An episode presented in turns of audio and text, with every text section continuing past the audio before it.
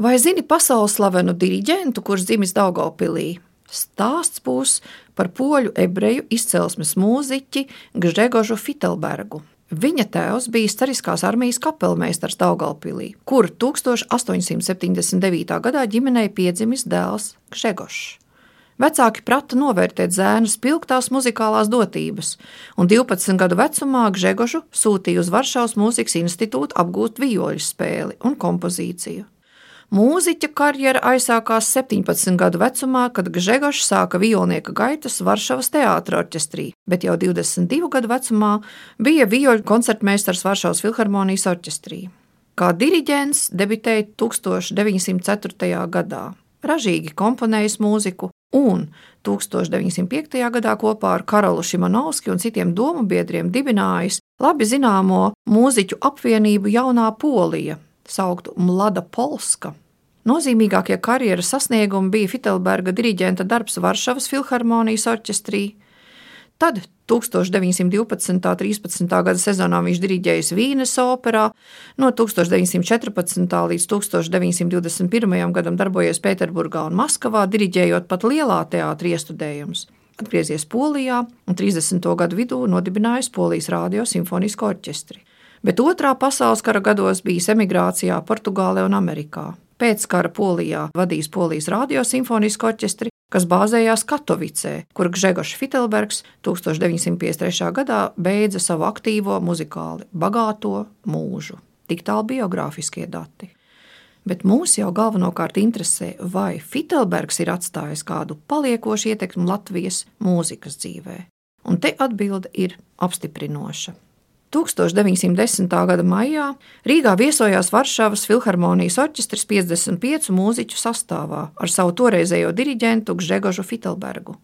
21. maijā notika koncerts Vērmanas dārzā, kuru skatos apvienojās gan viesi no Varšavas, gan Rīgas Vācu opera teātra orķestris.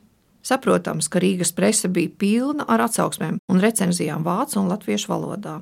Marija Gubene, 24. maijā rakstīja dzimtenes vēstnesī.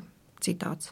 Jaunā kapelmeistara Fitelberga kunga mierīgā drošā diriģēšana neiziet uz ārēju efektu meklēšanu. Kā apdāvināts, solīdi izglītots mūziķis, Fitelberga kungs ir arī vairāku lielāku orķestru un kamermūzikas kompozīciju autors. Tas labi pārredz izpildāmo kompozīciju un prot arī orķestrim labi savu gribu iedvest, kas šoreiz visvairāk izdevās Riharda Strausa brīnišķīgi skaistajā skaņu dzējā Nāve un apskaidrošana. Citāta beigas. Tajā laikā Fitelbergs bija 31 gadu vecs. Nākamie Varšavas orķestra koncerti notika Majoros Hornadārzā, sniedzot visplašāko simfonisko repertuāru, līdz pat Čekovska un Mālera simfonijām. Par nozīmīgu notikumu uzskatāms 1910. gada 8. jūlija koncerts Majoros, kas izziņots kā liels latviešu vokāla instrumentāls koncerts.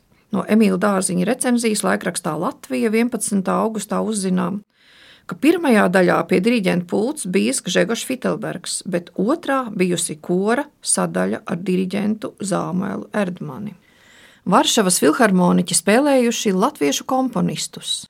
Latviešu simfoniskā mūzika iepriekšējos gadu desmitos bija skanējusi vispārējo dziesmu svētku laikā, tomēr šī koncerta nozīmi uzsver Emīls Dārziņš. Ideja popularizēt latviešu mūziku arī tādās koncertu telpās, kur apmeklētāju majoritāte ir sveštautieši, ir visai atzīšanas cienīga. Citāta beigas. Un no sevis varu piebilst to, ka būtisks ir arī fakts, ka latviešu simfonisko mūziku pirmo reizi spēlēja nevis Latvijas, bet ārvalstu orķestris. Emīls Dārziņš raksta, ka Jurijāna Andreja Latviju tautas brīvlaišana lepnā Varšavas filharmonijas orķestra bravurajā izpildījumā skanēja lieliski. Fitelbergs šai koncertā diriģēja arī Jāzepa Vītola darbu Līgo svētki, Alfrēda Kalniņa skici pie Staburaga un Jurijāna Andreja Tūdaliņa tāgadiņa. Jānis Zālīts laikrakstā dzimtenes vēstnes 8. augusta numurā slavēja dažu darbu interpretācijas. Citāts. Kalniņa simfoniskais dzējojums pie Staburaga Fitelberga priekšnesumā izdevās daudz labāk nekā to līdz šim bijām dzirdējuši. Vidusdaļa tika ņemta dzīvākā tempā, ar spilgtāku akcentuāciju. Caur to diriģentam izdevās episko dzējojumu vairāk dramatizēt. Varšavas filharmonijas orķestris un Gžegošs Fitelbergs jūrmalā koncertēja arī nākamajās vasarās līdz Pirmajam pasaules karam. Interesanti, ka 1913. gada vasarā Jūrmalā koncertus sniedz pat divi simfoniskie orķestri - Majoros Horna dārzā. Rīgas simfoniskais orķestris, kas sastāvēja no bijušajiem un esošajiem Rīgas vācu teātra mūziķiem, bet dubultu kūrmājā Varšavas filharmonijas orķestris ar Fitelbergu. Arī 20. gadsimta 20. gados Gregors Fitelbergs tika aicināts kā viesdrīģents uzstāties Latvijā, kad viņš iepazīstināja publiku ar Prokofjevu klasisko simfoniju, Onegara darbiem un Skriabina trešo simfoniju līdzās plašam klasiskajam simfonijas orķestra repertuāram. Novērtēsim! Ne tikai Fitelberga piederība Daugopilī kā dzimtajai pilsētai, bet arī Gžegoža Fitelberga darbība latviešu simfoniskās mūzikas laukā tad, kad šis žanrs mūsu komponistu sacerējumos vēl tikai veidojās.